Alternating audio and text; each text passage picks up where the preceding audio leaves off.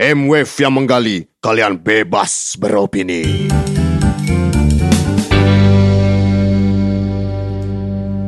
Selamat datang di M-Wave Volume 8 bersama gue Bobby Mandela dan sekarang gue lagi berada di salah satu tempat skena, seh tempat skena di bilangan Buna Indah yaitu di kios Ojo Keos yang ini ini suasana gue nih di depannya luar biasa ya banyak ada cenderamata dari efek rumah kaca sebelah kanan gue ada buku-bukunya Pramudia Nantatur terus ada juga melawan Bolshevik Bolshevik tuh apa men? Gue nggak tahu lagi Bolshevik. Sapanya Sinisia Mihailovic dia. Terus wah banyak deh. Ada piano, ada ya kalau lu belum pernah ke kios Ojo Kios, lu mendingan ke sini deh. Tempatnya oke segala macam. Dan ini gue mau ulang selembar setlist berisi susunan lagu yang dimainkan pada hari itu sebagai kenangan atau pajangan atau sebagai bukti otentik. Jadi, gue udah udah datang Jo ke sini nih nih setlistnya nih kalau nggak caya. Jadi itu kepuasan itu yang didapat tentu aja tidak bisa dibandingkan ya. Soalnya lu nggak akan ngerti kalau lu nggak ada di situ. Apalagi kalau lu juga merupakan penggemar berat musisinya. Setlist tuh biasanya terletak di monitor. Bener gak sih? Biasanya di monitor kan, di monitor di depan kayak di karpetnya tuh dikasih-kasihin lakban. Jadi itu sebagai acuan deretan lagu buat musisinya. Jadi biar dia kalau lagi mainnya abisin lagu apa nih ya, nggak ngomong-ngomong antar pemain lagi. Eh Jo, abisin lagu apa nih Jo? Kan itu ada di setlistnya. Nah itu baca dong, gitu kan. Kalau beruntung, musisi atau kru akan ngelemparin setlistnya ke kerumunan penonton setelah konser. Tapi kalau misalnya mereka tidak melakukan hal itu, maka lu dibutuhkan keahlian khusus untuk merayu atau memalak kru atau sound soundman-nya atau segala macamnya. Eh, Mas boleh nggak Mas minta setlist Mas gitu biasanya? Kalau nggak pakai tapi biasa pakai bahasa Inggris kalau misalnya musisinya luar negeri ya. Soalnya nggak bisa lu lakukan itu kayak, Mas Mas minta dong Mas. Woi, what what in the name of Allah you thinking? Ya, gitu kan. Jadi nggak ada jarang nggak jarang juga sih ada fans yang bertindak nekat untuk mendapatkan itu. Ini ada cerita yang lumayan oke dan gue baru tahu nih sebenarnya nih karena ini Rio Tantomo yang nulis. Jadi eh si Rio ini kan tukang ngulik-ngulik semuanya nih. Terus dia ngulik banget tentang setlist nih. Gue baru tahu juga nih, yo nih. Thank you loh. Nih lumayan nih. Gue bisa kayak bridging kalau misalnya gue deketin cewek. Eh, lu tau gak sih kalau gitu. Jadi waktu konsernya Skitro, ketika vokalisnya si Sebastian Bach itu terpaksa menghentikan konser akibat ulah fans yang mencopot setlist sebelum semua lagu dimainin. Jadi kok bisa ya? Berarti ada salah satu penonton kayak nge-grab di ke panggung gitu berarti ya? Nih, abis itu si si Sebastian atau Ibas panggilannya. panggilannya Ibas kan dia. Akhirnya dia ah nggak asik lu semua gua ini nggak jadi nih konser nih fuck nggak jadi. Gitu. Apa? Iya, I remember belum baru baru baru baru pengen menuju ke situ. Ah, nggak dapat I remember you kan lu semua gitu kan. Tapi kalau bicarain masalah ekonomi nih ya, itu tuh ternyata setlist tuh memiliki harga jual yang lumayan tinggi. Menurut gue sangat tinggi. Menurut di yang gue lihat di eBay, eBay itu ngebuka bandrol 4.999 dolar US dollar nih ya. Kita buletin deh jadi goceng, ya kan? Untuk setlistnya Pearl Jam tahun 2003 yang yang nulis Eddie Vedder langsung tulisan tangan. 5.000 dolar men. Lu dapat Les Paul Studio men. Ya nggak, bener nggak?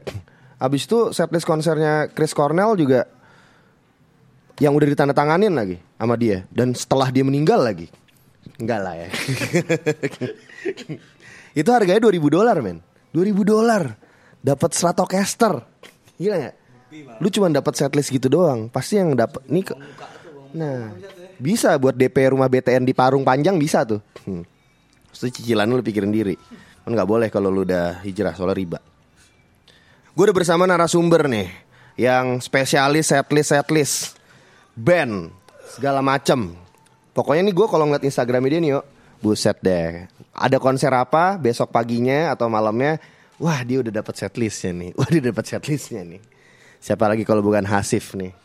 Hasif Rolling Stone kalau dulu. Dulu. dulu ya Hasif. Dulu. ya? Hasif mana? Hasif Rolling Stone. itu. Sekarang Rolling Stone udah nggak ada kan? Udah nggak ada. Hasifnya masih ada. Hasifnya masih ada tapi. Bagi apa nggak jelas. Jadi Hasif ini kan dulu di Rolling Stone. Jadi lu sering banget dikirim ke konser atau festival Hmm. dalam maupun luar negeri Hasif ya. Terus lu mau ngoleksi setlist dan ini lu menganggap sebagai penyakit yang susah disembuhkan. Iya. Sejak pertama kali mendapatkan setlist konser pertama lu tahun 2001 betul? Betul. Itu Ash ya. Ash. Ah, sekarang koleksinya udah mencapai ratusan men. Itu dari Prodigy, Franz Ferdinand, Right, Cranberries, Teenage Fan Club, Foo Fighter, Armada, Wali, Weezer, Ahmad Ben, sampai Ucok Aka. Baru dapat kemarin lagi. Oke. Halo Sif. Halo Bobby. Gila, gimana nih Sif? Apa tuh? Gimana nih keadaan negara kita Sif ya sekarang? Kok jadi ngomongin itu? ya, Gitu-gitu aja Sif ya? ya penyakit juga sih. Penyakit Satu orang sakit jadi semuanya sakit Kok jadi ngomongin itu sih? Kita ngomongin setlist Balik lagi ya Iya. Jadi sejak kapan sini Sif Lo tertarik untuk ngumpulin setlist-setlist band ini? Um, ya seperti lo bilang tadi setlist pertama gue itu tahun 2001 pas eh sebelumnya sih gue udah tahu tentang setlist tuh mungkin gara-gara lagi baca majalah musik kayak Q gitu kan. Jadi kan dia eh, apa meliput konser terus di tengah-tengah foto-foto pertunjukan nama teks ngebahas konsernya terus tiba ini maksudnya apa nih kok ada urutan lagu dinyebut ada daftar lagu-lagunya terus artinya apa Buat apa ini? Buat apa itu? Buat apa ini? Kan udah ada di kasetnya Kan kita kalau mau beli kaset kan dibolak balik biasanya ngeliatin Oh bagus nih gitu-gitu Nah pokoknya nggak tahu deh poet ini menyadari bahwa oh ini lagu-lagu yang dibawakan gitu kan. Hmm. Itu baru saat di di saat itu baru tahu bahwa lagu-lagunya udah dipilih. Tapi kayaknya pada saat itu belum nggak langsung nangkep bahwa ada benda fisiknya, ada kertasnya yang sudah ditempel di panggung untuk ya menjadi acuan Ah. buat bandnya. Itu mungkin baru nyadar ya ya ya gara-gara baca baca majalah musik juga. Mungkin mungkin high bahkan gitu. Hai. dari liputan konser mana gitu. Hmm, terus tiba dia kayak nge-scan setlist ya terus tiba ya udah. Jadi mengetahui tentang setlist itu ya dari majalah musik sebelumnya kan ya mungkin kayak orang nonton konser pada pada umumnya kan lo kan pas- pasti pada mikir kayak gue kalau teriak kenceng dia bakal bawain lagu yang gue mau dan Iya dan itu kejadian pas gue nonton apa Hootie and the Bluefish di Hard Rock Cafe Di Hard Rock Cafe. tahun 97 gitu. Jadi kan Harusnya masih di Sarina ya? masih di Sarina. Jadi ada ada satu lagu tuh judulnya uh, I Go Blind itu ada di soundtracknya Friends. Soundtracknya Friends Nah, terus dan emang ada satu episode Friends di mana terjadi percekcokan di geng itu di mana sebagian mau datang ke konsernya Hootie and the Blowfish tapi yang lainnya lagi nggak ada duit. Ah. ya kan? Terus ada adegan kayak mereka baru nyampe terus tiba konser mulai lagu I Go Blind dibawain tuh. Ah. Terus gue kayak mikir wah gue bakal serasa kayak Fresh nih kalau misalnya gue gue Iya, minta iya, I Go iya. Blind dibawain dan bener pas lagi konser beberapa lagu lagi lagi jeda gitu terus gue bilang I Go Blind terus dibawain terus kayak wah ini Berarti bisa nih bisa Hmm. tapi belakangnya baru nyadar bahwa itu ya itu hasil sinergi antara soundtrack dan, dan Oh TV seri bukan sesuatu yang spontan. Bukan spontan ya Iya. Itu season berapa ya? Season pertama, season kedua deh. Season kedua episode Iya. 4 bukan ya? Cik gitu, sotoy banget gue. Terus nih, Sip. Iya. Motivasi lu apa sih? Melakukan perbuatan itu. Ya kalau kalau balik lagi ke setlist pertama gue itu si Ash. Ya kebetulan gue suka banget sama masih Ash pada saat itu sekarang sih masih jadi jadi kayak eh gue nggak tahu apakah itu gue pada saat minta gue nggak gue nggak yakin juga bahwa hal benda itu ada gitu kan. Masa sih si analog itu gitu. Iya atau ya atau masa sih semudah itu kan Iya, Tapi iya, iya. mungkin karena kebetulan pas nonton mereka tuh gue barisan lumayan lumayan depan gitu jadi Hmm. dan udah standby dari ya mungkin sejam dua jam sebelumnya terus kan ada ada padi main juga kan sebelum Aha. itu jadi sambil nunggu kan jadi ngeliatin tuh krunya lagi siap-siap Iya. termasuk nempel-nempelin setlist di panggung kan jadi wah bisa kali diminta gitu ya udah akhirnya eh, konser selesai ya memberanikan diri untuk eh, minta apalagi kebetulan sempat ketemu krunya di di luar venue sebelum sebelum apa Hmm. Sebelum main. sebelum main gitu jadi ya udah Malak lah ya. namanya iya malak lah jatuhnya Tapi mereka kayak langsung ngasih gitu atau kayak enggak ah gitu. Ada ya dia. itu macam-macam sih Oh, ada ya? setelah setelah proses ini berjalan sekian tahun ada yang ada yang baik hati lo panggil dia lang- dia langsung ngerti lo maunya apa ada juga yang pura-pura nggak sih ya pura-pura nggak tahu. iya gitu. kan, karena ya dia emang ya dia kerja dia lagi kerja kan ada juga yang yang yang yang tahu lo lo lo maunya apa tapi ya udah dia nggak Gak mau ngasih nggak aja. ngasih, iya. ada yang kayak gitu Ada juga kayak gitu ya. gitu. Terus itu eh, pas ada- pada saat itu apakah Hmm. cuman lu doang yang minta setlist atau Oh. ada orang lain juga minta setlist atau lu bakal berebutan sama yang lain? tergantung lo mintanya di mana. Kalau lo mintanya dari depan panggung ya pasti banyak saingan. Hmm. Karena makin ke sini juga udah makin banyak orang menyadari itu. Iya. Apa itu mereka menyadari karena ngeliat lo nggak? Mungkin, mungkin Iya, aja. kan? Mungkin Kayak- aja. Mungkin kan ngeliat lo gini, wah Asif gini gue juga pengen ya Terus ngeliat ada lu kayak pengen lu susah aja gitu loh mungkin aja. Iya kan? Iya, ya itu. Iya, makanya ini karena eh, kan makin sini makin banyak orang yang tahu tentang Iya. setlist setelah hasil ya gue pun juga harus mencari kiat-kiat untuk gimana caranya ya. Ya gue yang dapat. Oke Itu yang penting lo yang dapat Ya. Terus kalau dirunut-runut dari dari 2001 sampai sekarang Hmm. kira-kira berapa banyak setlist yang udah lu punya? Udah terlalu banyak sih. Ya maksudnya ya, maksudnya kayak karena kayak tadi kayak tadi itu yang udah kayak penyakit di mana ya nonton konser ya udah seminta aja ter ya mulai dari konser yang artis gede internasional sampai ke gigi kecil sekalipun ya ya kalau bisa gue dapetin ya kenapa enggak gitu kan tapi lama-lama jadi kayak ambil tapi sampai rumah ya udah taruh gitu Taruh aja gitu aja kan ya? totonya udah numpuk aja Terus tapi ini kan ya lu kan pasti nonton band segala macam kan lu udah ratusan segala macam kan. Hmm. Apa semua band yang lu tonton wajib lu dapetin setlistnya? hmm, Kayak, waktu nonton Tri Utami gitu.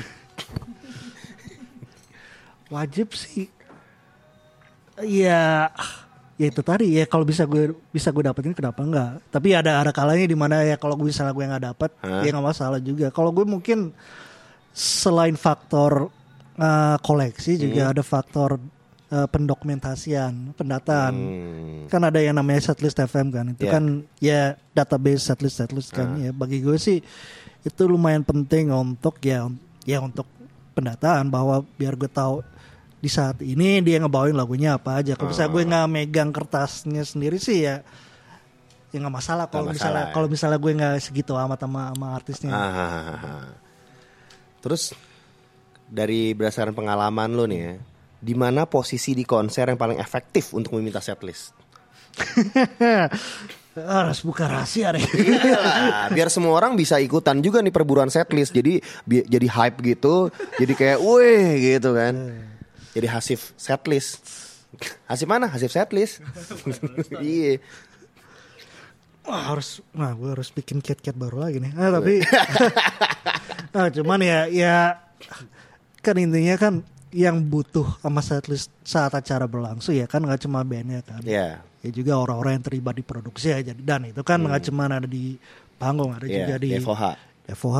Jadi ya itu ya gue aku itu andalan gue karena ya gue nggak harus menjadi bersaing dengan Yang di orang depan. ya gue nggak harus desek-desekan Iya, nggak harus iya, iya. keringetan Ya, FOH aja ya. FOH aja ya paling gampang makanya ya lebih sering gue nonton konser di belakang karena Iya, ya untuk iya. menghindari persaingan walaupun ujung-ujungnya banyak yang udah banyak yang tahu itu juga Iya, iya. ya makanya gue harus mengembangkan kiat-kiat untuk Yang baru ya. baru Iya. Ada yang pernah curang nggak lo dapetin setlist? ah curang tuh gimana definisinya Ya, gue nggak tahu. Tapi lu pasti tahu kan? Yang kira-kira ini sebenarnya ini gue nggak dapetin setlist nih, cuman karena ke apa namanya kebolehan gue dan kepintaran gue, gue bisa dapetin di setlist nih.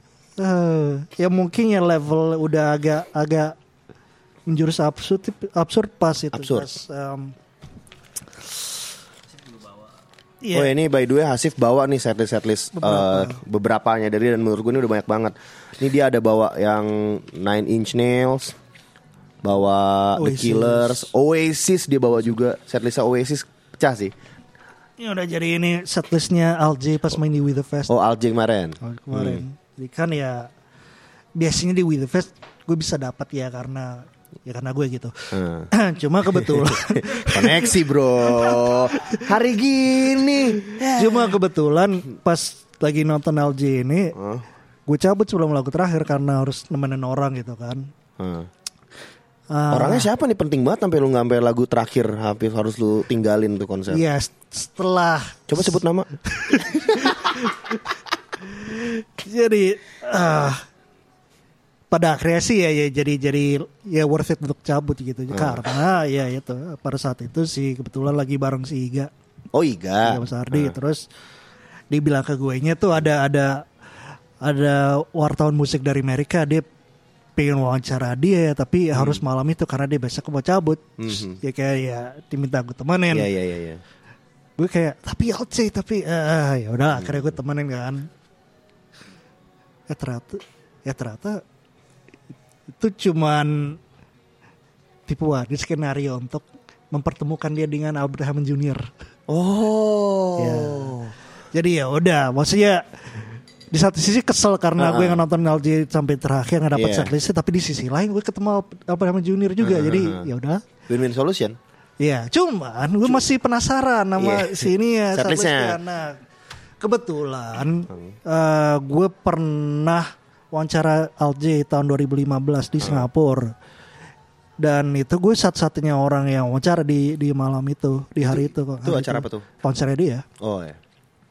Tapi ya gitu, ini kan gue di zaman nah ini mungkin gue harus buka dikit tentang seluk beluk jadi media Ya. yang mau wawancara sama artis luar gitu kan. Nah kalau misalnya di Indonesia gitu kan Ya. kan selama ini gue dapat wawancara lebih seringnya karena si label yang Ya. yang minta atau si promotornya. Motornya yang Nah pas yang gue di Singapura itu sering kali ya nggak dua-duanya nggak dari label nggak dari Lu sendiri nih. promotor akhirnya gue sendiri tapi gimana caranya ya gue coba langsung ke manajemennya kan Hmm.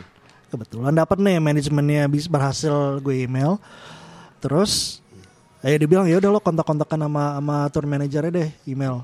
Nah gue email. Nah kebetulan si tour manajernya ini selain megang LJ pada saat itu dia Hmm. juga jadi tour manajernya Block Party pas mereka ke Jakarta. Terus dia jadi Oh, iya, tour iya, manajernya Travis pas di Singapura gue nonton. Kolektif ya dia. terus tour manajernya 1975 juga Oh, Oke. Nah, nah kebetulan ya udah jadi kayak iseng gue. Ah. Misalnya kalau gue email nih orang, terus gue speak speaking dikit, eh gue datang pas gitu itu. Dia bakal ngasih nggak? Soalnya, soalnya kan ya di print gini udah pasti ada di Iya, pasti file ada. kan. Ya udah, bisa nggak? Gue Coba, ya dibalas. Terus dikirimin. Dikirim ya setlistnya? Gue print, ya udah. Oh ini berarti nih Ini. setlist yang dikirim dari Ini, tour dan gue manajernya. print, gue bisa ngasih ke berapa Iya, orang iya, juga iya, kan iya, lumayan. iya, iya. Ya udah, pahala dikit. Ini berarti cara terbaru lu dari mendapatkan setlist nih ya. Tapi itu kan kayak butuh Butuh koneksi konek, Ya, konektivitas. Iya. Eh, konektivitas. Ini ini ini- Kabelan kali. Ini udah advance nih. Hmm. ya, gitu deh. Jadi caranya tuh dari dari cara memakai eh, apa Tradisional. namanya? Ya, tradisional, verbal sampai pakai teknologi, men. Jadi Ya emang pasti beda, Beda. cuman ya gue sih bodo amat. Iya, yang penting kan dapat setlistnya. Iya, dapet. Indian dapat lo setlistnya. Itu gue lah. Yang paling Iya. penting itu. Terus gue pengen tahu juga nih, Hmm.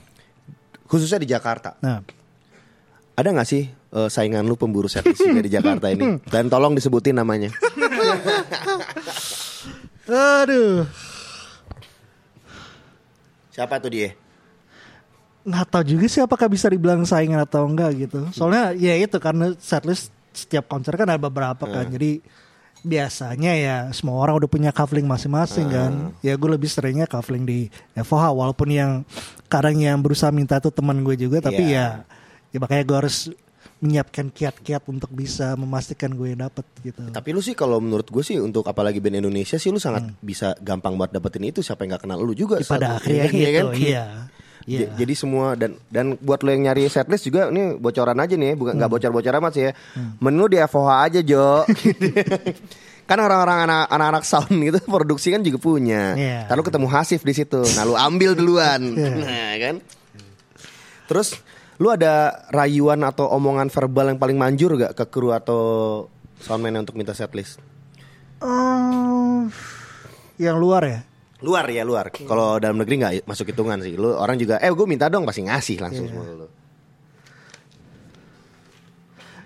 Kalau gini sih gue gue Dika gue mungkin lem, eh, ya mungkin karena udah lumayan banyak orang tahu bahwa gue gue rajin mengumpulkan ini Iya. dan ada juga yang bertanya tuh apa sih rahasianya gue karena nggak mau banyak eh, membocorkan rahasia gue cuma bilang bahwa ya ini eh, lo kalau mau dapetin setlist ada dua kuncinya satu adalah timing dua adalah memahami psikologi dasar manusia Psikologi dasar manusia. Ya. Gimana tuh? ya singkat kata adalah ya lo lo ya lo kalau misalnya gini gue gue observasi nih gue kalau kalau lihat orang mau minta setlist kan rata-rata ya kayak woi woi woi hey, hey. setlist ya gitu ya gitu. Asra baru aja ngasih gue buku psikologi kepribadian. Menyelami misteri kepribadian manusia Psikologi Sufi dan Barat. Ini buku yang dibaca Hasif guys. Untuk mendapatkan setlist itu.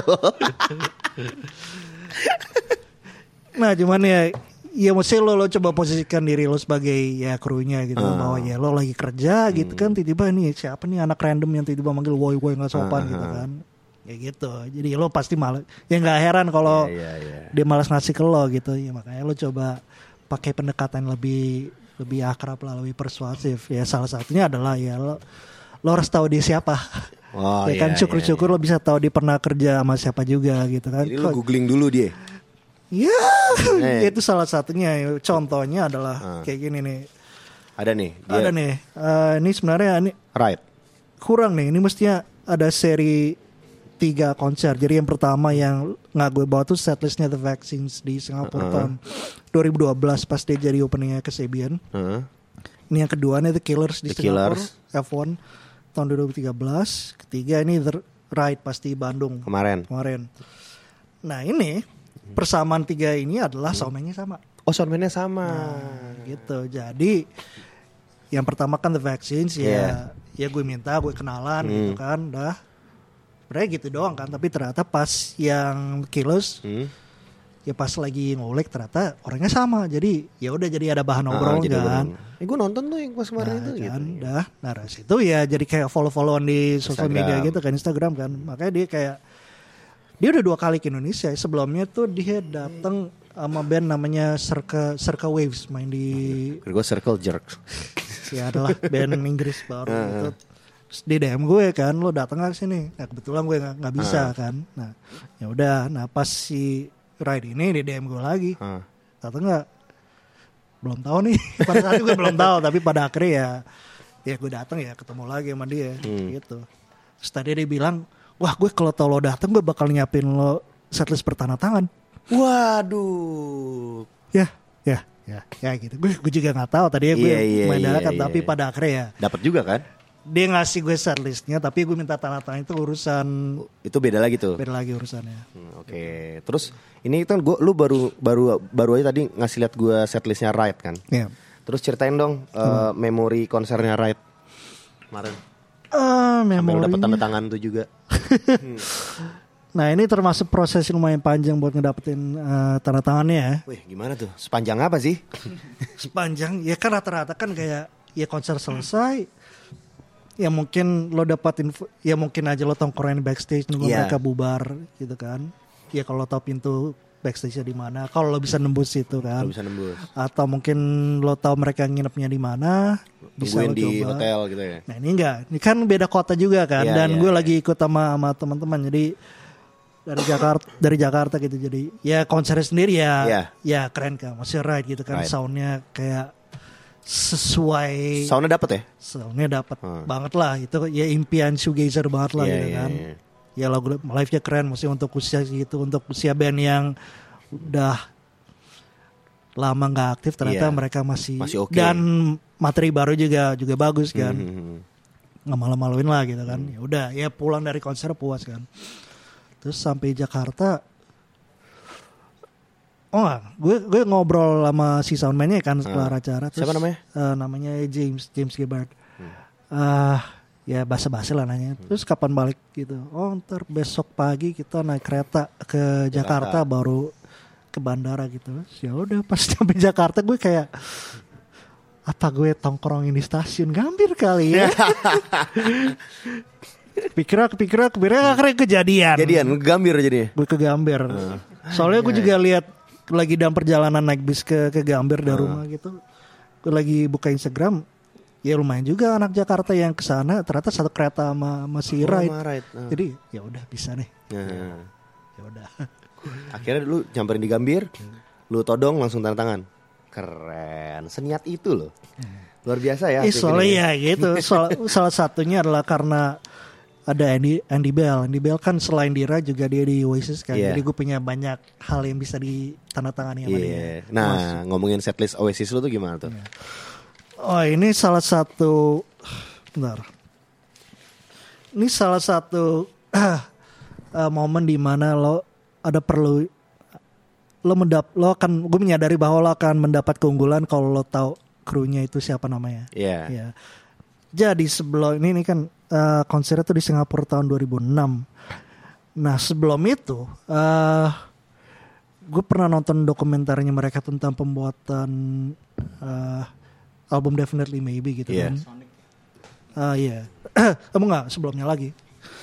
Ah, ya terus sih itu intinya mereka ya wawancara dengan bandnya dengan Alan McGee-nya dengan produsernya gitu tentang pembuatan album terus yang diwawancara salah satu yang diwawancara juga adalah kru gitarnya si si Noel namanya Jason Rhodes Oke. terus gue pernah baca di mana si Noel pernah bilang bahwa krunya dia dari dulu ya masih itu itu aja kan ya udah pas si pas gue udah di venue nya lagi nunggu dia siap siap gue lihat nih krunya mana nih ada nggak si Jason ada ternyata Ada beneran? ada Ah. udah nah kebetulan posisi gue tuh pas di depan si Nol gitu Ah. kan.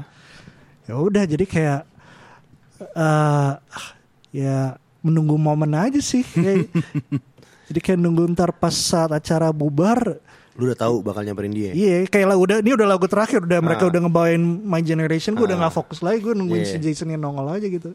Ya udah, jadi kayak acara kelar, bandnya udah entah ke mana, ya udah. Si Jasonnya lagi beres-beres, terus gue panggil, Jason, dia bingung, siapa dia itu nama gue? Iya. Akhirnya ya udah, gue minta dapat. I know you man. Gitu lu gituin Nick. Jason I know you man. Lebih creepy sih jadi lebih ya. creepy kalau gitu ya. Akhirnya dia yang dapetin. Tapi eh, tanda tanganin nggak? Eh, ah, tanda tangan ya gue sampai ke hotel ya pas. Asik. Itu lu ketemu mereka gimana sih? Tetap songong gak sih? Kalau si Liamnya gue ketemu siang ya nggak sengaja gue gue lagi sama temen-temen gue lagi nongkrong di di McDonald's pinggir jalan dekat Heeh. dekat orchard gitu terus tiba temen gue liatin orang terus bilang, eh Liam gue nya nggak dia lagi jalan gitu aja? Gue gue nya kayak karena karena ini ini Singapura gitu. Karena banyak ini karena ada banyak bule di Singapura dan karena ada Oasis pasti banyak yang berdandan ala ala dia gitu kan pas makanya pas gue lihat tapi gue liatin terus kayak hei beneran ya? Kayak kayak Liam juga ya. Lama-lama gue perhatiin gue liatin jambangnya terus gue liatin cara jalannya. Terus gue liatin ya kayak satu meter belakang dia ada orang berbarang gede. Tapi nggak nggak terlalu kelihatan bahwa itu bodyguard Iya, ya iya, udah iya. jadi kayak anjing itu Liam beneran. Iya. langsung gue panggil Liam. Terus dia nengok terus Up Mike gitu. Mike ya itu gue mau aja ngobrol kayak gak susah karena lo, logatnya tuh udah logat Manchester ya? Iya, terlalu gitu. Emang Nah, susah ya? Eh, tergantung sih ya. Mungkin kalau lo orang sana udah Iya, iya. hafal atau kalau udah sering dengar orang Indonesia ngobrol. Tapi pada saat itu gue kayak ya, ya, Iya, ya, iya, ya. iya, habis itu dia nyebrang kan. Nah. gue kan udah habis habis tanda tangan CD habis itu foto bareng terus nyebrang kita bertiga. Hmm. siapa aja tuh? Eh gue sebutin juga percuma juga gitu tapi ya. Cuma intinya kalau kalau di kalau di crop bisa nih gue foto berdua sama Liam terus temen gue satunya berdua aja Iya. nah temen yang paling ujung nggak dapet. Nggak Jadi, dapet. dia pengen ngejar lagi pengen foto lagi.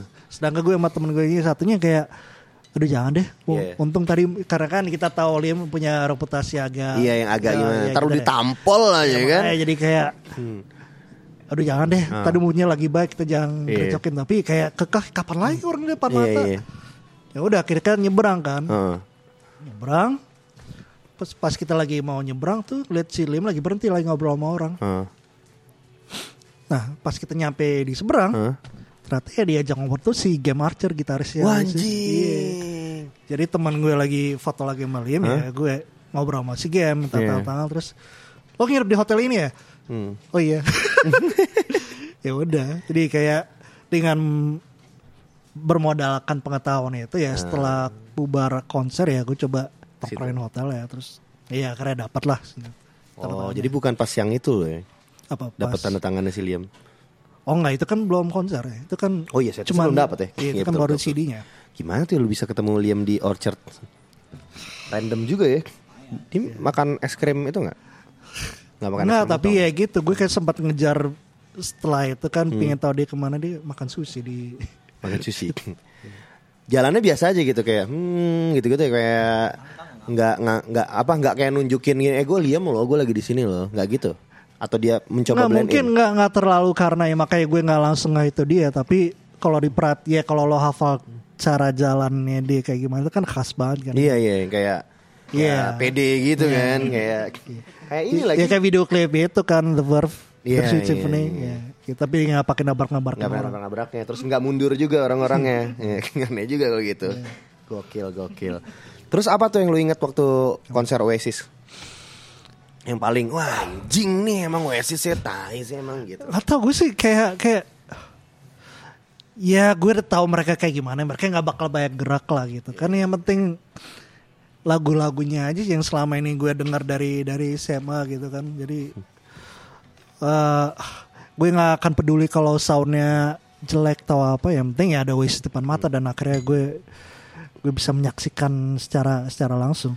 Berarti ini setlist ini nih mempengaruhi flow-nya konser banget ya Ya lumayan karena ini kan kita Nih. tahun 2006, kan itu 2006. kan berarti pada pada era apa album Don't Believe the Truth kan. Ah. Alhasil ya jadi ada banyak banyak lagu dari dari album itu kan Hmm. termasuk dua lagu pertama kan dari album terbarunya baru Ah. udah dimulai yang lagu agak di album pertama kan Bring Out Bring Out Down Morning, Morning Glory. Glory Ya jadi intinya ini, ini kayak ini contoh yang setlist yang ya lumayan fungsional dalam arti ya dia punya materi baru ya dia harus pinter-pinter menyelipkannya di mana biar nggak kentang juga kan. Misalnya ya Iya. kalau kebanyakan materi baru dan berurutan ya bosen juga kan. Karena kan gimana pun juga kebanyakan orang datang konser dia pingin dia pingin dengar lagu yang dia tahu kan. Iyalah.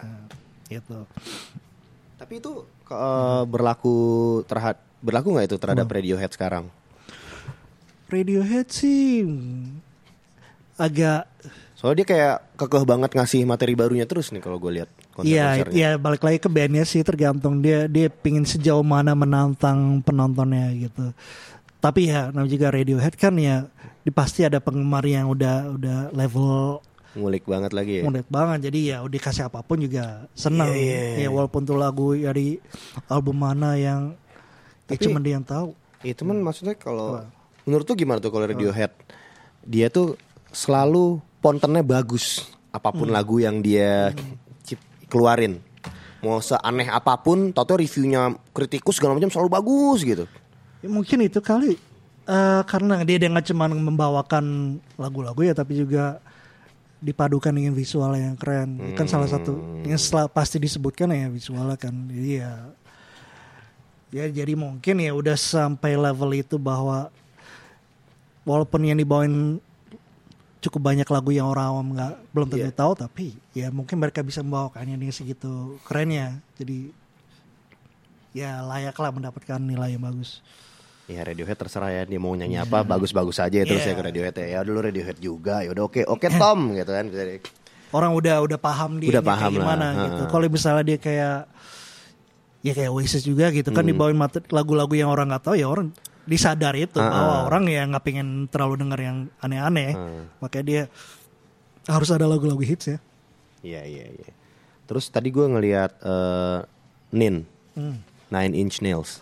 Itu gimana tuh cerita tuh dapetin tuh Oke, ini Nine Inch dari Nails. Bang Bang Bang Resnor.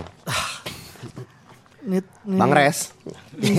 ini, ini 2009 di 2009. Singapura tuh tour yang seharusnya mereka farewell katanya. Farewell Pada katanya saat pada saat katanya. itu. Sekarang nggak ada kok baru. Iya mungkin di bro, bro pikiran bosen kali di rumah gitu. Tapi ya ini, ini menarik karena perjuangan paling absurd untuk mendapatkan. Ini nih paling absurd nih. Iya. Nine Inch Nails nih ya. Iya. Gimana tuh Sip? Ya kan ya tadi udah diceritain gimana cara Ya, biasanya basicnya. mendapatkan. Ya terus bahwa kadang-kadang ada kru yang nggak mau ngasih atau gitu. Nah ini perpaduan dari semuanya. Wah, jadi combine nih ya. combine nih. Jadi kan ya ya sebelum konser kan ya gue udah gue udah gue udah memantau spot biasanya gue di Evoha kan. Iya.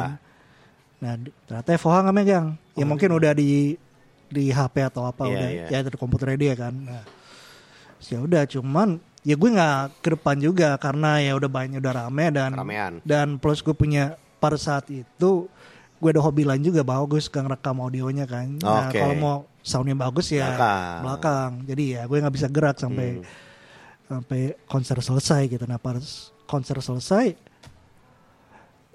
ini gue udah lumayan. Gue kayak udah gue udah sebenarnya udah mengikhlaskan nggak dapet nih karena Hmm. udah depan banyak orang. Tapi kayak udah gue udah lumayan kelar konser gue udah lumayan lama nongkrong sama teman-teman yang lain dari Indonesia Ah. yang lagi lagi situ. Tapi gue bisa lihat kan itu kan di Fort Canning kan. Itu kan kalau dari belakang tuh lebih tinggi. Ah. Iya, jadi begini. Land, jadi, apa? ya jadi lo bisa dilihat di atas panggung Iya. itu ada apa dan masih kelihatan ada berapa Ah. kertasnya kan. Kayak ini kok dari tadi setlistnya nggak nggak nggak dicopot-copot gitu Ah. kan. Ya lu penasaran kan. Jadi maju. Maju dari barikade depan masih banyak orang. Jadi Hmm. kayak gue men- harus mencari celahnya di mana. Sampai pada akhirnya ya literally celah karena ternyata di sebelah sini Hmm? Di pojok tuh kebuka. Ada gap. Ada gap dan gak ada yang jagain. Wah, nggak ada yang jagain. Gak ada yang jagain. Bisa gitu. Akhirnya gue nekat masuk Hah? dari gap itu. Terus gue ke bawah panggungnya dong. Wah, yang bener lu Iya, masuk ke panggung, kolong cuy. panggung. Nggak tahu kenapa masuk setan apaan tapi ya udah. Ini mungkin ya nggak tahu mungkin gue mikir gue bisa. Hmm, Lu niat pengen ngambil setlist jadi pengen ngambil gitar. Nah sih itu Nggak itu, nyari, gitu kan? itu nyari mati.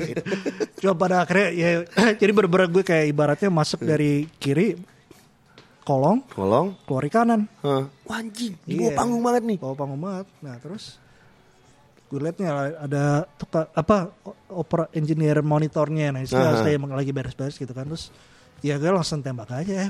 Mau dong setlistnya. Hmm. Ngomong ngasih.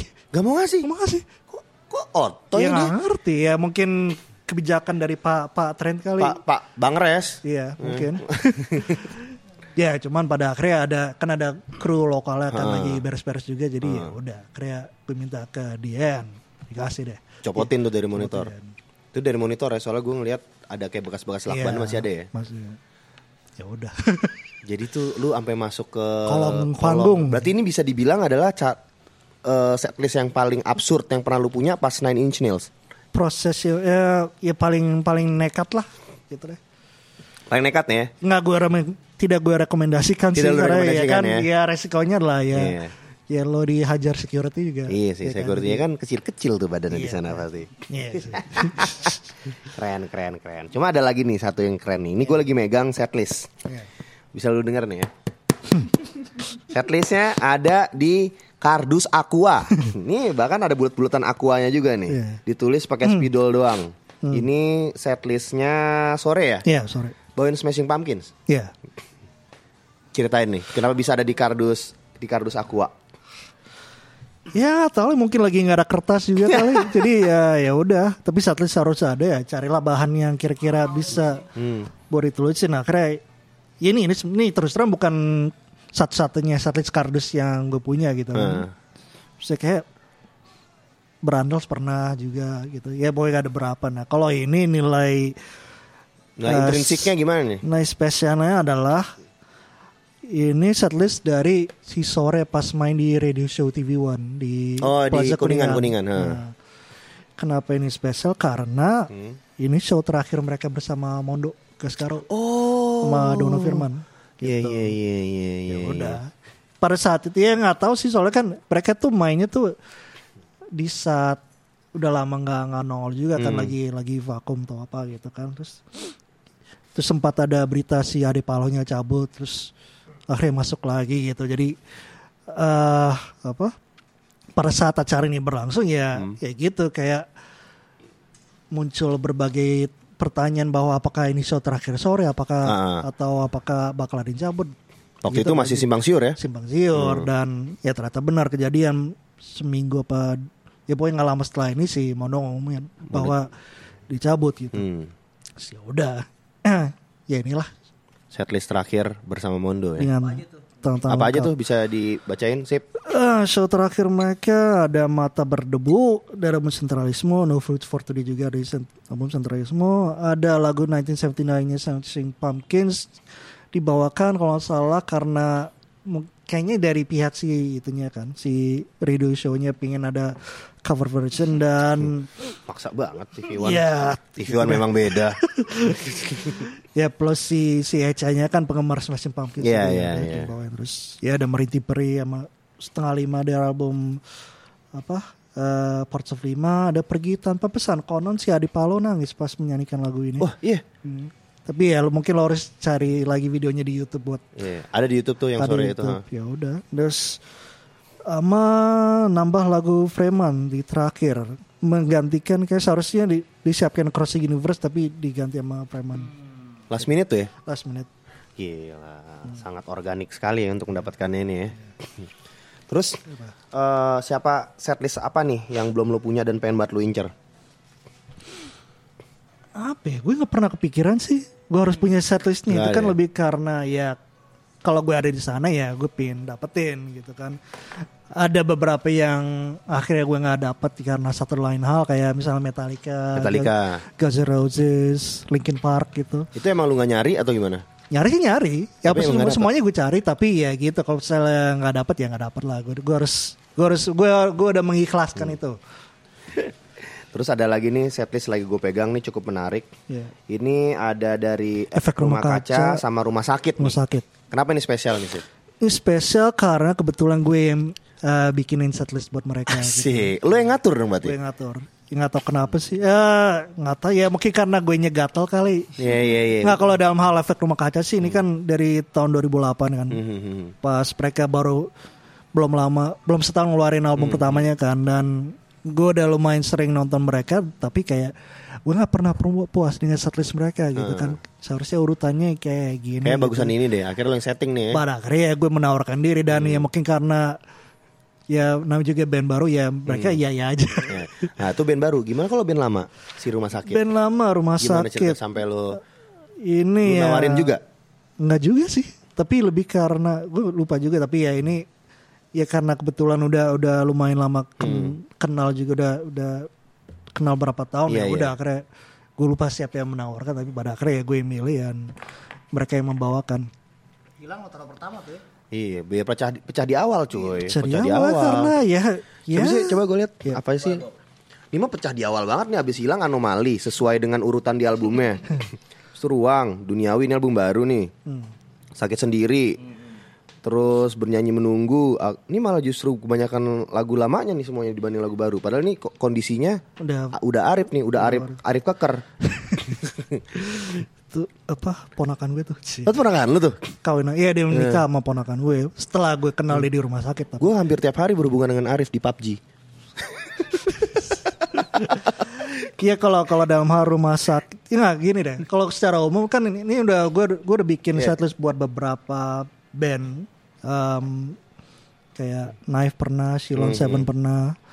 eh prinsip utamanya adalah ya gue gue nya nggak boleh gue ya gue penggemar band-band itu juga kan tapi gue juga Gak boleh egois. nggak boleh egois walaupun ada beberapa lagu yang gue pengen banget dia Ah. bawain tapi ya nggak pernah dibawain atau jarang gue juga harus mikirin bahwa dia sanggup nggak ngebawain di momen itu kan Ah. mungkin dia udah lupa belum latihan atau apa kan ya, makanya ya konsultasi dulu kan Ah. ya dan jangan sampai penonton bosen juga kan Iya. ini lagu apa sih lagu apa sih gitu jadi ya udah gue berusaha membuat keseimbangan antara lagu yang gue pengen dia dengar Ah.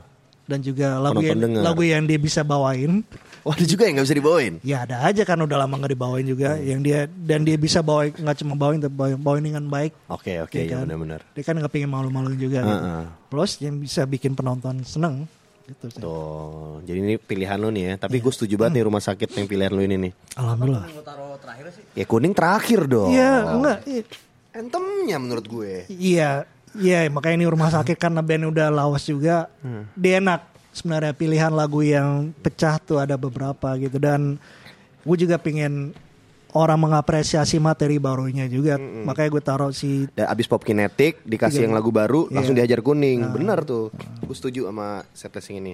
Cuman ada satu di rumah sakit yang Arif belum kesampaian nih. apa? Arif belum belum diangkat-angkat sama penonton. tuh, tuh.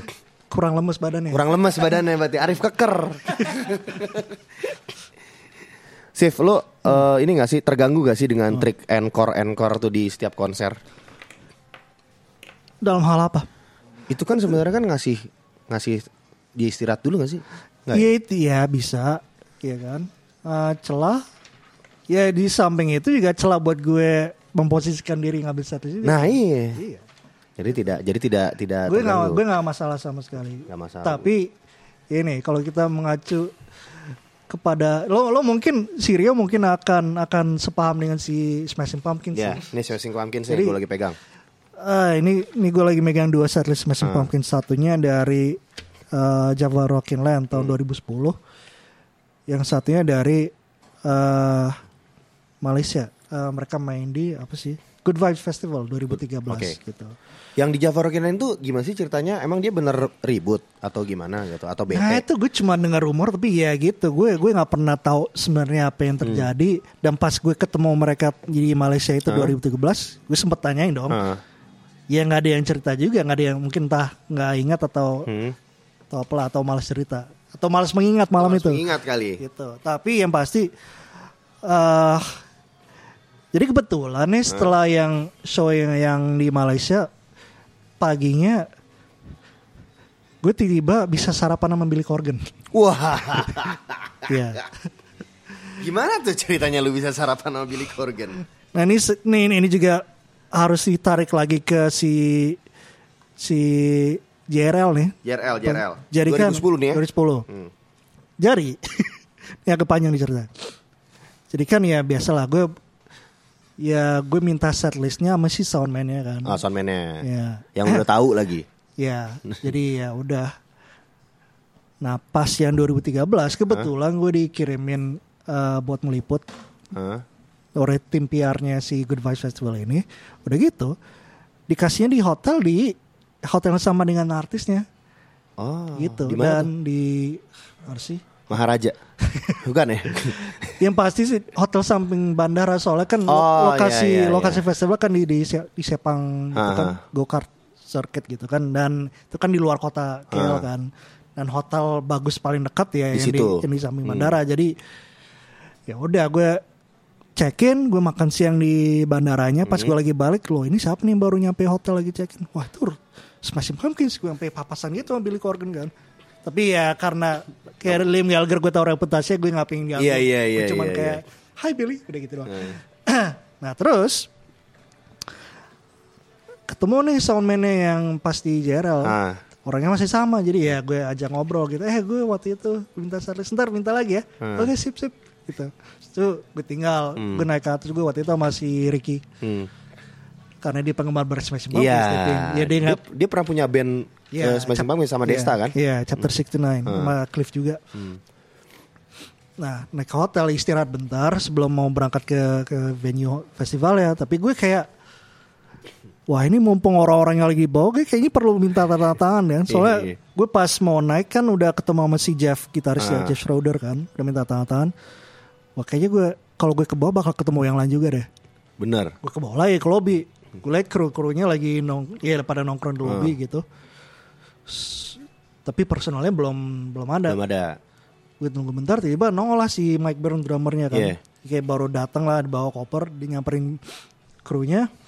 Terus ya gue tunggu dia, gue gak mau ganggu dia lagi Hmm. ngobrol kan. Terus gue tunggu pas dia naik lift baru deh gue samperin. Sah. Satu lift, Satu lift. satu lift. Nah, terus pintu lift tutup, Hah? dia bingung. Dia mencet tombol Hmm. lantai kok nggak bisa. gerak-gerak. Gue ajarin nih, nih. Ini lo pakai lo pakai kartu kamarnya lo tap dulu baru Ah. bisa karena oh gitu ya udah nah, udah ya kan udah masuk nih celahnya Ah. kan ngobrol tanda tangan foto udah kan gue tinggal kan Hmm. gue pikir ya udahlah kayak cukup deh Iya. Gue kamar dulu. Gue mau tap kunci gue ke lantai Ah. gue. Kok nggak bisa? Kunci gue rusak kali ya. Ya udah gue ke lobby. Hah. gue ke resep- resepsionisnya. Eh ini kayaknya kunci gue rusak deh. Mana kuncinya? Dia minta terus gue pegang kuncinya gue lihat anjing ini kuncinya si Mike Burn Anjrit. ke bawah Ketukar, ketukar. nggak ketukar ke bawah Ke bawah Jadi sama kunci lu. gue ada gue Aduh. terus kayak anjing gimana gimana nih terus gue naik lagi gue udah kebayang dia kayak capek lagi stres ah. gitu terus di lagi nongkrong Gak bisa, di lorong hotel iya nggak gitu. bisa masuk. Iya kan jadi kayak gue balik ke lantainya dia gue nyari nyari tapi nggak nemu gitu kan. Terus bingung juga gimana caranya akhirnya ini kunci gue apain ya Hmm. oh iya ini kan krunya masih pada di bawah jadi Heeh.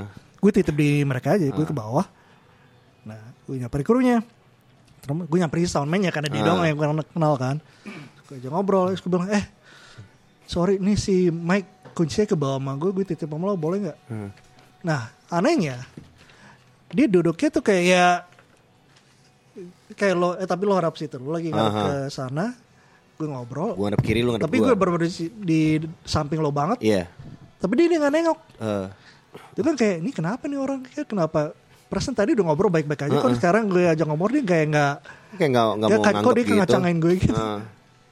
aneh terus di bar kruin lainnya yang Ah. bilang ya eh kasih gue deh ntar gue bawa oh siap, siap. tapi ya gitu gue tetap penasaran Ah. gitu kan tapi penasarannya lebih ke nih orang kok kayak gitu ntar gue kalau minta ntar minta servisnya gimana jadi gue Iya. kayak Tadi lu santai sama gue. Makanya jadi ya udah gue kepikiran. Jadi sampai malamnya sebelum ya pas smashing pumpkins lagi setup ya gue udah nongkrongin depan FOH nunggu dia dateng kan. Terus Tiba-tiba dia akhirnya datang dari antara kerumunan. Jadi kan FOH, FOH yang di situ tuh kebetulan masuknya tuh bener dari tengah dari depan barikade tapi tengah di tengah-tengahnya. celahnya, ya Ah. kan. Nah ini orang dia datang dari dari depan dia nembus penonton dia udah tinggal jalan lurus dia Ah. center gitu dia udah tinggal jalan lurus tapi kok dia masih agak muter muter-muter Muter-muter gitu, kayak Iya, cek-cek keadaan. iya jadi kayak nih, nih orang kenapa tapi akhirnya dia nyampe terus gue ajak ngobrol eh dia nengok Heeh. eh setlistnya jangan lupa ya oh iya langsung dikasih setlistnya pada saat itu juga gitu. Untung dong. Iya lo nggak butuh nih, oh nggak nggak, gue udah Hmm. aman nggak. Ya udah, Iya gue sih senang setlistnya aman, tapi di sisi lain, tapi kenapa dia kayak gitu? Toto berubah nih Iya gitu, lu. karena ya udah kan nonton Smashing main Hah? jauh lebih memuaskan dibanding pasti GRL. Iya iya pasti. Ya udah tapi ah ya udah karena puas, Hmm. gue pengen kayak nyamperin dia lagi terus ya kayak ya basa-basi lah Thank berterima you lu. kasih ya keren Iya. ya gitu kan. Nah pas gue nyamperin ya gue nunggu dia keluar lagi dari Hmm. dari Evo dia dan dia keluar lagi jalan agak Agak aneh lagi tapi ya udah gue samperin ngobrol-ngobrol tiba ada soundman-nya eh bukan soundman lightingnya orang lightingnya dia nyamperin dia. Terus bilang eh lewat sini lewat sini. Jadi kayak dipapa gitu.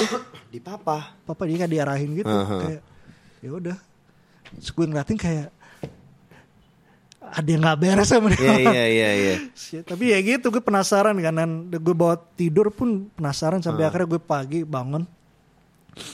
Eh ya itu gue udah gue udah langsung ke bawah siapa tahu ketemu siapa kan. Heeh. nah pada saat gue di restorannya ya nggak ada siapa-siapa kecuali orang lightingnya yang Yang, sempat yang kemarin tadi malam Ah, mapah itu. yang mapah itu jadi ya dia lagi makan sendirian sama baca koran Heeh. ya udah gue nunggu dia beres sarapan gue duduk di meja ke di sebelahnya dia Hmm. ya udah pas dia udah beres baru dia gue ajak ngobrol Hmm.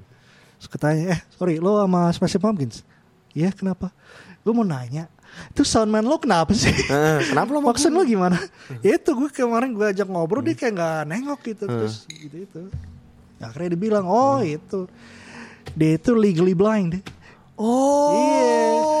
Iya. Jadi ya dia bisa ngelihat tapi penglihatannya itu terbatas. Jadi lo kalau di sampingnya dia dia nggak nengok. Iya iya iya.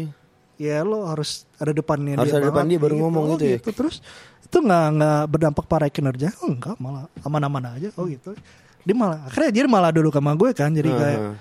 ngobrol ngobrol ah, ya oh lo dari mana dari Indonesia Hmm. bla bla terus si Ricky akhirnya turun buat sarapan juga gitu udah ngobrol-ngobrol tiba si orang lightingnya ini namanya Lawrence gitu tiba manggil orang itu yang ngadap gue ngadap ke lo dia, Hmm. dia di posisi lo dia manggil orang di belakang Di belakang. mau masuk gitu kan Iya.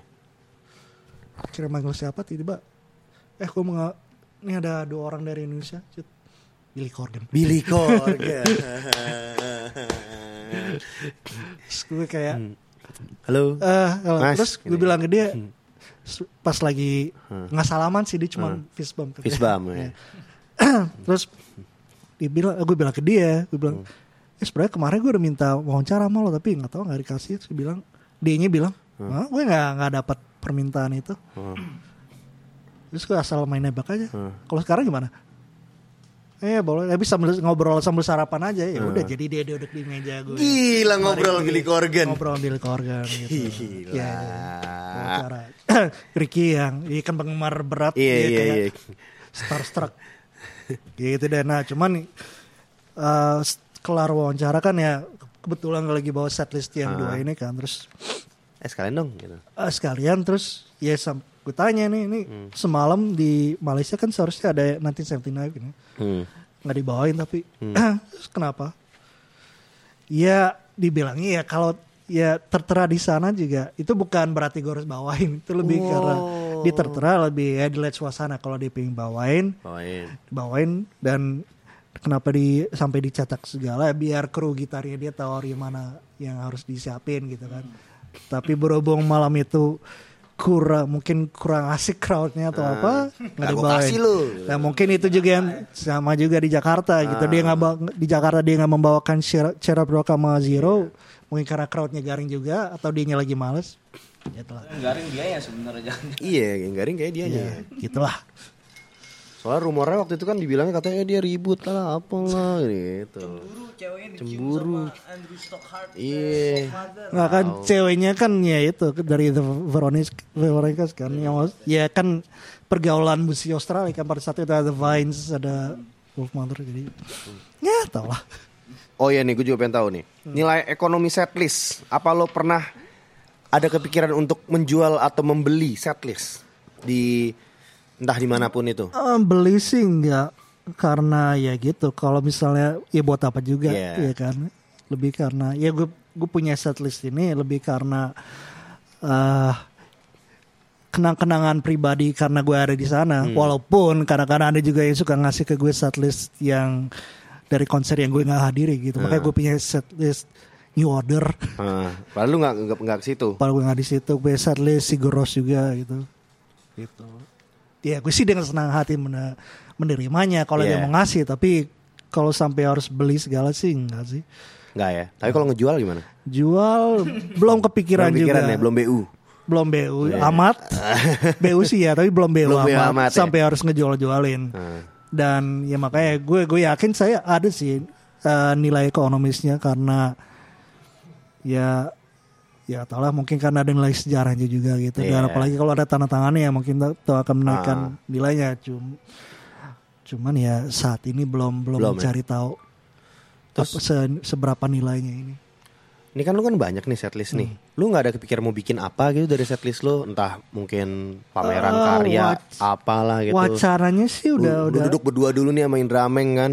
Meng, gimana nih Meng gitu tuh. wacaranya sih udah ada kayak bikin mungkin semacam buku atau apa Buku gitu. ya, lebih ke Iya. buku nih ya. ya ide yang mungkin paling konkret sih buku cuman masih masih menggodok gimana Angle-nya. cara ya angle ya soalnya kan kalau cuma melaporkan semua konser yang gue ada kan nggak seru juga kan harus ada ceritanya atau apa tapi ya gitu deh. pingin sih suatu saat tapi kapannya itu gue belum belum tahu Oh, bukan sekarang-sekarang ini ya. Iya. Berarti ini masih tahap mengoleksi terus aja nih ya.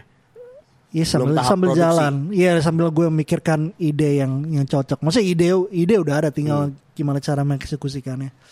Oke, gue selalu gue kepikiran gue siapa tahu lu mau bikin pameran gitu. Ya mungkin kalau misalnya ada bukunya mungkin bisa dibikin Iya sekarang. iya pamerannya. sekali kayak gitu. Oke. Gua rasa ada satu lagi nih setlist yang gue pengen tahu juga. Ini nih. Ya. Karena gue ada juga di di sini nih. Ini Wizard Ya. 2013. Ya.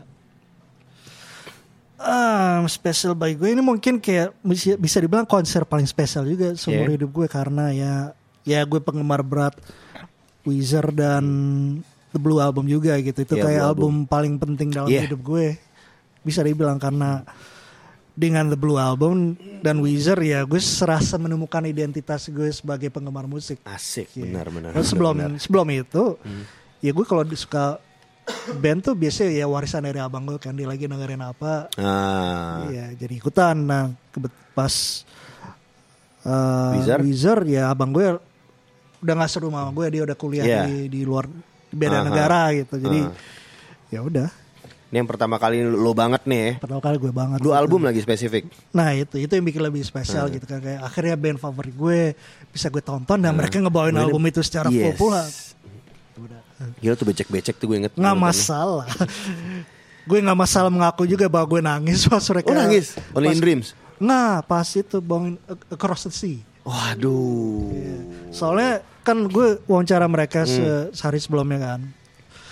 Terus, nah ini ini salah satunya hal acara gue berusaha mempengaruhi series yang dibikin karena ya Oh lu mempengaruhi nih? karena ada kalanya di mana gue bisa speakin mereka untuk untuk nambahin lagu karena ya itu tadi. Ya gue ya sebagai sebagai kolektor dan sebagai pemantau kan ya gue gue rajin memantau setlist FM juga kan. Gue Iya. pengen tahu lagu apa yang dibawain belakang ini buat manajemen ekspektasi juga kan. Jadi kalau tiba-tiba ada lagu yang gue suka tapi udah lama nggak dibawain gue bisa gue request cuman gue juga harus mempertimbangkan realistis tidaknya request itu Ah. ya kan kalau minta lagu yang sangat langka banget ya mereka juga belum tentu mau karena ya hafal ya latihannya belum sempat atau apa Ah. gitu kalau dalam halnya si Across the Sea menurut gue tuh realistis karena gue udah tahu nih rute tour berikutnya kan Ah. kan setelah dia di Jakarta kan mereka di Australia beberapa kota Hmm.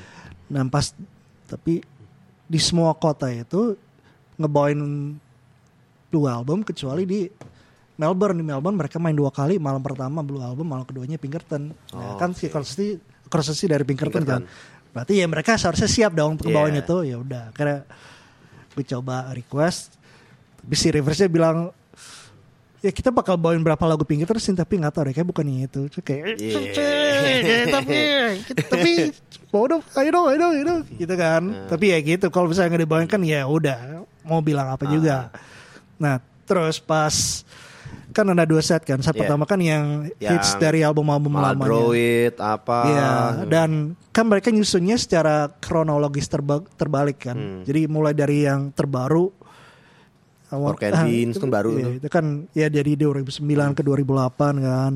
Ya makin sih baru dia makin Ah. ke Pinkerton. Ataunya kan. El Scorcho terakhirnya. Nah, nah pas ya ini pas Haspipe kan dari Green Album kan. Ah. Kelar Haspipe tuh gue ya gue yang deg-degan soalnya. Wah, habis ini Pinkerton bawain enggak? Bawain enggak? Iya, Bawain enggak? iya, Bawain? Terus Tiba ya gitu. Tiba gue liat si Brian Bell menuju ke keyboardnya Ah. kan. Oh iya. ya udah. Bawain langsung mengucur. Dah. Mengucur langsung ya? Mengucur. Gue juga gue nggak nangis sih, tapi gue berkaca-kaca cuman pas My Name Is Jonas. Karena tuh pecah. Iya. Kan tadi kan gelap dulu tuh, gelap dulu. Toto langsung My name is John Jeng Jeng. Itu gue langsung, wow ini gue merinding nih tuh. ya kan? Gue merinding banget waktu dari situ. Dan itu tuh situasi becek ya, Iya. Sifnya becek abis hujan gitu, uh, parah banget. Pecah sih itu. Salah satu konser yang gue puas juga tuh, setuju gue. Wizard Blue album. Terus, ah ini nih. Coba tolong dijelaskan nih. Oke jelaskan jadi ah, setelah Rolling Stone Itu tutup, apa itu tuh? setelah Rolling Stone tutup, eh, Kantor lu dulu. Kantor, iya, Kasih kan. Rolling Stone. ya kan pada dapat pesangonnya. Iya, iya. Ya sebagian besar pesangonnya karena masih belum lunas juga. Oh belum lunas. lunas masih nunggu sisanya cair. Oke, siap. tapi Masih bisa konser sekali lagi dia ke mana nih? ya tapi ya gitu. Kebetulan jumlahnya cukup untuk gue pergi ke London. Wih, yang sebuah cita-cita dari lama karena ya gue dulu lahir di sana hmm. oh lahir di London sampai umur 7 tahun dan selama ini pingin balik ke sana buat ya ap- apa pun itu tapi Yeah. ya. nggak pernah ada kesempatan nggak pernah ada rezeki. Yeah. kebetulan ada kesempatan dan rezekinya. Dan pas banget sih Teenage Fan Club. Itu salah satu band favorit gue juga. Eh gue udah pernah nonton mereka juga sih di di Tokyo dan Yokohama tahun 2017 tuh kayak ibaratnya ya ini akhir gue mereka tuh ngeluarin album setiap lima tahun sekali. Dan kalaupun tour ya mentok-mentoknya ya Australia atau Jepang gitu kan. Jadi kayak juga kalau mau nonton mereka ya ini saatnya gue pikir gitu pas tahun 2000 ya pas mereka mau datang tahun 2017 Yeah. ke Jepang ya udah jadi setelah nonton tuh dan wawancara juga ibaratnya bucket list gue udah Udah kecoret lah. satu gitu kan. Cuman pas tahun lalu tuh mereka tuh reissue 5 album lamanya gitu di gitu. Hmm. Terus mereka bikin tour 4 kota di mana setiap kota itu mereka main tiga malam turut-turut dan di setiap malam itu dia bawain dua album Full? itu full. Energi Plus- yang luar biasa ya. Dia ngajak drum, dua drummer lamanya dia buat main di album yang mereka rekam juga. Ah. Plus ternyata itu menjadi show terakhirnya si Jarad lah pemain bass sama vokalisnya. Mereka soalnya dia dibilangnya udah nggak mau tour jauh-jauh, eh udah nggak mau tour lagi lah gitu. Udah uh, finansial lagi cukup. Nggak tahu juga sih, Iya. cuman ya, cuma ya gitu ya. Karena kan kalau udah udah kurang lagi BU lagi reuni. Iya, Biasa gitu. mungkin tapi ya mungkin satu hal yang mungkin kita nggak nggak nggak nggak tahu adalah bahwa ya terbang keliling dunia itu lumayan melelahkan gitu walaupun lo dibayar walaupun ya gitu Asli. tapi ya gitu itu kan rutin ya kenapa banyak band berantem ya karena kelamaan di ya. jalan karena jauh dari rumah karena bosen akhirnya ya gitu ini kita nggak merasakan itu di Indonesia karena ya kita nggak kayak gini kita Iya. nggak pergi lama sekian bulan baru balik ini kan kita ketengan banget kan Iya. walaupun ujung-ujungnya bisa ribet juga Ribut tapi juga biasanya. Ego, ego. atau karena rutenya Hmm. yang gue hari ini main di Bandung besoknya di Lombok. Makassar Ah, tapi ke Jakarta dulu iya, iya. ya Berasa, berasa. ya udah jadi intinya eh ya ini setlist dari tiga malam itu dengan Tanda tangannya gimana tuh tanda tangan? tanda tangan kebetulan nih venue-nya venue kecil gitu Ah. dan ya bandnya juga ya mungkin karena bandnya udah nggak nggak superstar amat jadi Hmm. bener-bener kayak lo tongkrongin dekat pintu backstage ya ya udah tinggal nunggu aja mereka datang sendiri-sendiri jalan kaki mungkin habis jalan-jalan Ah. ada drummernya apa dia hobinya ke museum dulu Ah. baru dia datang ya udah aku- jadi itu selama tiga hari berturut-turut dari jam setengah empat sore dalam keadaan menggigil karena di situ lagi, Lagi belum win- belum winter tapi udah udah dingin Menuju gitu. sana ya? menuju sana ya udah gue nongkrongin situ nunggu mereka datang satu Hmm. persatu minta tangan Dan mereka baik-baik aja kan, kayak oh ya boleh gitu-gitu, nggak ada yang kayak liam-liam gitu ya. sama Nggak, sekali tidak. Sama sekali tidak ya. Cukup menarik sekali nih ya, apa namanya Hasif ini cara mendapatkan setlistnya, cara mendapatkan tanda tangannya, trik-trik bagaimana untuk lu dapetin segala macamnya. Ternyata gue juga baru tahu juga tuh. Dan FOA itu adalah tempat di mana lu paling gampang dapetin setlist gitu loh. Dan jadi jurnalis juga lumayan ini. Wow, jur- menjadi jurnalis musik sangat membantu sekali, apalagi siapa tak kenal dia, ya kan? Gampang lah tinggal. malah gue gua- malah tapi gue malah nggak pernah bilang bahwa gue jurnalis kalau gue minta Ya tapi semua orang tahu. ya semua orang tahu tapi ya gue nggak bisa Iya, Langsung manajemen band cuma jadi jurnalis. iya betul. pada akhirnya Dan itu akhirnya eh, membikin dia akhirnya duduk bareng Billy Corgan dan River Cuomo loh, men. Tapi itu keren banget sih kok. Gue gue penasaran sama Wizard udah tua-tua masih geber tuh. Ya. Apa ya rahasianya ya? Apa rahasianya Sif? nah lo tuh mungkin harus tanya Wizard Nah lah. itu dia. Kenapa gue nanya ke Asif? Bang Sir Dendi ya. oh iya, oh iya. Sardendi album baru gimana nih? Eh, Kemarin baru satu lagu tuh gue baru lihat satu tuh. lagu yang udah keluar tapi ya gitu gue sempat menghadiri rekaman lagu lainnya Hah? gitu ya nggak tahu lah ini kan dia kan si Serdani orangnya ya Hmm. semaunya dia juga gitu Iya. jadi kapan dia lagi Hmm. pengen ya udah Cong, rekaman sekarang Cong, misalnya gitu. bisa gitu Soalnya ya, itu tuh eh eh, Sardendi yang terakhir itu bokap gue beli. Bokap gua Albumnya? beli albumnya, albumnya fisik. Jadi gue lagi di mobil, gue lagi di mobil, abis itu eh gue nyetel lagu itu, dia ketawa. Ini apa nih Bob gini? Ada nih Sardendi acong gitu. Lucu banget lagunya gini, bokap gue umur 60-an cuy. Lucu banget lagunya bagus-bagus gitu. Abis itu udah kan, weh, abis itu di- diputar terus sama dia. Lalu gue pakai CD-nya kan. Abis itu dia lagi di termasuk PIM. lagu Sekdrak pun Sekdrak nih, dia ketawa pas lagu Sekdrak. Itu tuh gue gue malas banget tuh pas lagu Sekdrak kan berdua bokap. Aduh Sekdrak banget lagi lagu ini, aduh. Kan agak canggung loh gitu, walaupun gue udah juga udah dewasa gitu loh. Dia ketawa. Abis itu eh apa namanya? Gue inget banget itu itu eh, CD itu ada di mobil satu lagi. Nah bokap gue ke PIM naik mobil yang beda. Di jalan dia nelpon gue, Bob, ini kok abah cari di mo- mobil nggak ada sih dia yang kemarin gitu gitu. Lah itu kan di mobil ini gini. Oh gitu ya Di Pondok Indah ada yang jual nggak? Ada sih pasti harusnya toko CD gini nih. Beneran loh Dia beli men Serdendi di, Kagak Spotify Belum era waktu, itu- waktu itu Spotify. belum ada Spotify men Belum ada Spotify waktu itu Itu bener-bener pas gue ini Nih abah beli juga nih. Lah kan ada nih. Yang apa-apa biar tiap mobil ada. Tai banget deh. Serdendi Gue langsung wah gokil nih Serdendi nih Sampai bokap gue beli. Best Gitarisnya. Bah nih Bobby lagi interview ini nih gitarisnya. Iya, gue belum tahu sih album kapan jadi tapi ya mudah-mudahan segeralah. Segera ya. Tapi tahun ini ya Nah, Gue nunggu nggak tahu. banget sih Iya, gue nggak tahu sih tahun ini tahun tapi Soalnya ya tuh udah. menurut gue tuh dia tuh bikin lirik dan bikin Hmm. lagunya terdengar gampang, terdengar receh, tapi sebenarnya nggak receh dan nggak gampang. Bikin lirik bahasa Indonesia kan susah dan enak catchy lagi. Sama satu lagi nih, kalau Pure Saturday mau reuni nih. mau reuni dia. Ini Mau reuni. Kita doain aja? Kita- oh lu mau doain dia reuni Pure Saturday. Doanya dapet. Ionya kayak lagi sibuk mancing deh. Iya kan iyo yang Kalau misalnya lu disuruh bikin setlist imajiner konser reuni Pure Saturday nih, terakhir nih, lu mau bikinnya kayak gimana sih? Taruh ada berapa lagu gitu ya? Taruh buat bikin alurnya aja deh ya. Delapan deh. Soalnya dia gignya di duck down, kecil. Ah, coba. Ah, ini kayak per- gue coba kertas deh. Coba coba kertas. Nah, bikin dulu gue pipis dulu. Coba eh mereka itu ada empat album ini ini ya kita kita kita hormati semua albumnya kali ya representatif 8 lagu ya Ah, berarti maksimal dua lagu per album ya sih bener.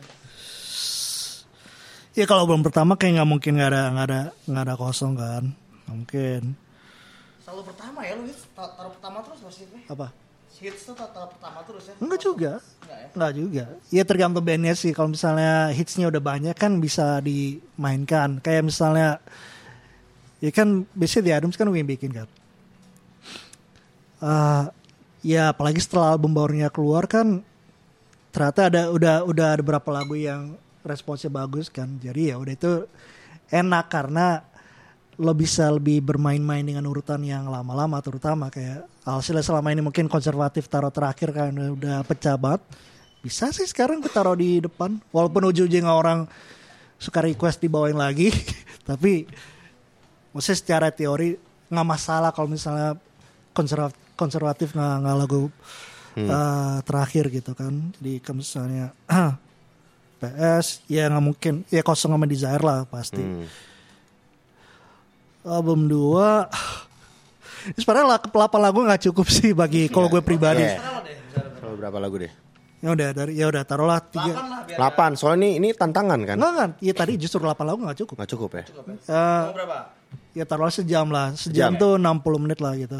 Eh minimal. Tapi, Minimal. eh, tiga lagu per album berarti dalam album, album pertama ya tambahin lagi ya coklat deh. Coklat. Album 2 eh, Utopia yang harus ada di bangku taman. Siapa tuh reuni nih ya? Eh sebenarnya yang lumayan hits tuh Pathetic Waltz tapi gue lebih suka Gala jadi Gala sama si eh, Labirin. Itu kan Labirin. biar ada yang agak agak psychedelic dikit. Agak ngawang dikit. Soalnya mereka tuh selama gue kenal mereka tuh kayak suka suka kurang hati-hati juga dalam nyusun setlist kalau menurut gue ya? karena Alurnya jadi berantakan. ya ya kurang dipikirkan dan pilihan lagunya juga kurang dipikirkan lebih karena ada apa kan misalnya bosen bawain kosong atau desire tuh ada di bisa terjadi di mereka sedangkan kan ya Semua orang pengen dengerin itu. Ya itu suka nggak suka kan Heeh. dia nggak masalah juga sih kalau misalnya lo pengen bawain lagu yang lebih aneh tapi ya jangan sampai lo menurut gue ya jangan sampai lo korbankan dan juga jangan sampai urutannya Jadi- eh, salah soalnya ini ini ini sempat gue bahas di Instagram gue pas mereka main di synchronization pertama Iya. ya itu kayak udah luma- lumayan lama eh, menghilang setelah ditinggal dua personel kan. Hmm. Ya udah terus eh ya menurut gue seharusnya itu jadi momen buat lo langsung nunjukin bahwa oh ini kita Masih oke kok. masih oke gitu kan. Cuman eh, lo ada nggak pas yang tahun pertama? Ada. Itu kan pas hari pertama kan lumayan nggak terlalu rame lah gitu karena belum ya orang belum tahu festivalnya juga. Gue udah gitu mabuk kan. sih Ya. jam 7 Sama lu anjing. Iya. Nah, y- y- nah, Sama Riaton Tomo, sorry, bukan sama Asif. Nah cuman ya dari dari yes, di tahun-tahun berikutnya kecuali lo band yang gede banget, biasanya ya band mau main belum tentu ada orang Belum di tentu, depan iya. panggung kan. Aha. Kayak orang baru datang pas lagu pertama udah mulai gitu kan. Hmm. Ya udah begitulah apa sih Pure Saturday. Nah, mereka tuh main lagu pertamanya Labirin. Oh. Ya bikin orang datang tapi kayak eh, gitu. Iya, iya, iya. gitu. ngerti, Kalau- ngerti. Nah itu itu salah satu hal yang menjadi uh, pertimbangan gue saat bikin setlist buat Mhm. buat orang adalah bahwa ya lo juga harus lihat situasi juga kan dan apalagi di festival gede Iya. kayak gitu di mana ada banyak panggung kan dan ya kalau gue sih ya em- emang emang, emang harus harus kompetitif sih lo gimana cara narik Iya. naik masa biar datang ke Lo harus lo tau demand-nya juga Iya maunya kan? apa kan. Makanya kayak pas di Adams main yang disinkronis tahun lalu, Hmm. Ya gue lihat dulu tuh rundownnya bentroknya sama siapa. Ah. Wah bentroknya sama Jamrut. Ya pasti orang pada ke Jamrut ya. Jamrut. Maksudnya yang lainnya juga rame tapi yang utamanya yang berber head to head tuh Jamrut ya udah konservatif taruh di awal ya. Soalnya ya Iya, itu biar- udah biar ini jaminan buat orang jaminan bakal. datang. Ya udah. Sebagai manajer di Adams, lu Ya. nulis setlist buat mereka gitu, bukan Aryo atau si Ale gitu yang bikin. Eh gue. Lo yang bikin ya? Iya. Ya gitu. Ya, ya nggak tahu sih. Bukan berarti yang lain nggak boleh nggak. Tapi pasti konsultasi sama mereka kan. Kalau ini gimana, ini gimana kan. Udah. Tapi pada akhirnya kadang-kadang diobrak abrik juga. Tapi tapi ya, biasanya sih apa yang dibawakan adalah sesuai dengan apa yang udah gue Lo siapin. gue siapin karena ya, Tangan prerogatif manajer berarti. Iya ya ya telah.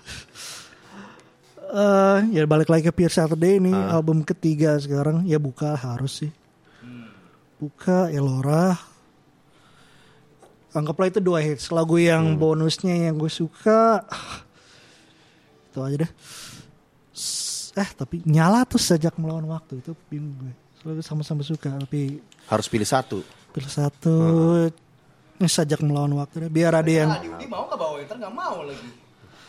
Eh, itu kan urusan. Justru itu, gue kenal mereka. Ya, Itu. ya dulu pas mereka masih di bandnya, ya justru mereka ngarap lagu-lagu yang agak lebih menantang. Mm-mm. Jadi ya udah, anggaplah mereka kembali mencintai musik dan bermain. Ya ini buat memanjakan mereka dan juga penggemar yang berat. Gue yakin mereka pasti masih mencintai musik sih. mungkin masih in denial mungkin. Iya. Juga ya. ya mungkin aja. Nah sekarang terakhir album Grey, ya gue emang terus terang kurang, gue agak bukannya gue nggak suka, gue mengapresiasi apa yang mereka pengen lakukan di album ini, tapi ya pada akhirnya kurang senempel itu sama, sama gue. Mungkin karena ya karena lumayan beda jauh sama yang sama yang kemarin album sebelumnya, jadi ya udah pasti masuk sih musim berakhir. Terus ya mungkin Lighthouse sebagai single ya tinggal satu lagi tuh apa? Nah, Terakhirnya nih, yang terakhirnya. Nggak ini bukan belum masih harus diurutin nih. Ini baru milih Oh, lagunya. dia baru milih lagunya. iya, kan harus pilih mana yang enak.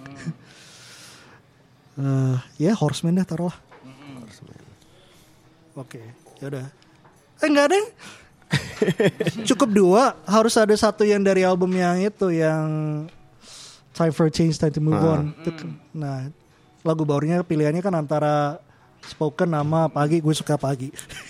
Gue spoken gue. 12 Lu lagu. nggak mau ada cover version tuh. Harap dibawain cover version. Nggak, gue nggak, gue nggak pernah suka cover version terus terang. ya kalau materinya udah bagus ya ngapain sih? Kecuali dia cover coverin Fugazi ya, Pure Saturday. Baru menarik, Cow.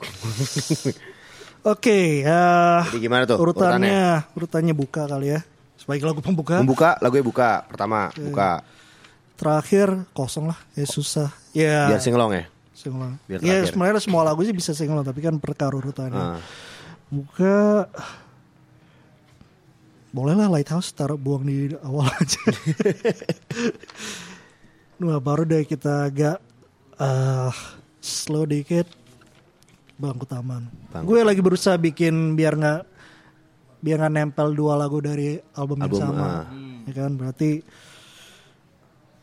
pagi ntar aja deh. Balik lagi ke album Elora berarti Hmm.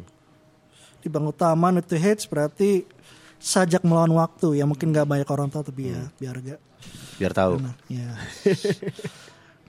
Habis itu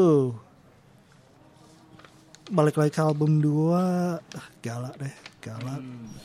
Baru album pertama lagi coklat, Coklat. coklat. Sekarang tengah-tengah. Oh ini album, album 4 belum. Ya boleh musim berakhir. Baru deh pagi 8 Eh, Desire boleh deh. Sembilan. Labirin biar agak menjelang mau habis biar agak pecah baru deh. Elora. Dah. Udah deh. Udah. Coba sebutin. Coba sini. gua Ah, oke. Gimana? Nyu? Oh ini oke. Jadi ini setlistnya Reuni Pure Saturday versi Hasif ya. Lagu pertama buka, lagu kedua Lighthouse, lagu ketiga di bangku taman, lagu Eh bener lagu pertama lagu kedua Horseman eh Lighthouse. Oh iya iya Iya kan? Iya iya. Ya. Tadi lagu ketiga di bangku taman, lagu keempatnya Sajak Melawan Waktu, lagu kelimanya Gala, lagu eh labu, lagu keenamnya Coklat, lagu ketujuhnya Musim Berakhir, lagu laku sekarang, lagu kedelapannya Ragi, lagu Pagi. sembi- pagi. Pagi pagi. Tadi gue bilang apa? Ragi Ragi. Oh iya. gue dari tadi ngomong gue ngaco banget ya. Kayak under substance gitu padahal enggak. Sembilan gue desire, terus sepuluh gue labirin, terus sebelasnya Blora dan yang lagu terakhir kosong. Encore gak tuh kosong? Hmm, Nggak pakai encore ya. Bisa sih, Bisa tapi lo kan gak suka encore. Jadi Iya. buat biar Rio-nya seneng lah. Nggak soalnya kalau encore pasti ujungnya cover version gue kurang demen. Iya. Jadi itulah setlistnya. Tapi ya bisa-bisa mungkin kalau kalau kalau bawain lagu sendiri encore biasanya enough kalau mereka ya, bisa lah. Ya enough lah taruh tapi ya udah. Oke coba ini eh, setlistnya diupload nanti ya dari Hasif biar jadi ini juga nih. Jadi ini ngomongin ini buat reuni Pure Saturday Hasif yang bikin orangnya.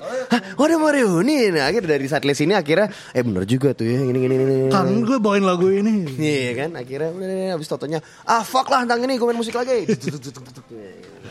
Misalnya begitu Misalnya. kan kita berharapnya begitu. Iyalah. Ya, oh banyak banget gue berharap dari yang kayak gitu-gitu dari band-band yang gue suka. yang begitu tuh apa? Udah lah nggak usah dibahas ya. Oke, thank you banget Hasif udah mau ngobrol-ngobrol sama kita di sini. Sama-sama semoga bermanfaat. Semoga oh bermanfaat banget. Ini banyak yang dari hal-hal yang lu sebutin ke kita tadi yang lu kita lu kasih tahu tuh ada kunci-kunci dan tips-tips untuk mendapatkan setlist ya. Selamat dapat saingan baru banyak. Oke, dapat saingan baru nih ntar di FOH ya. Siap, thank you Hafiz. Eh Hafiz lagi. Hafiz Al Quran. Hasib. Deh.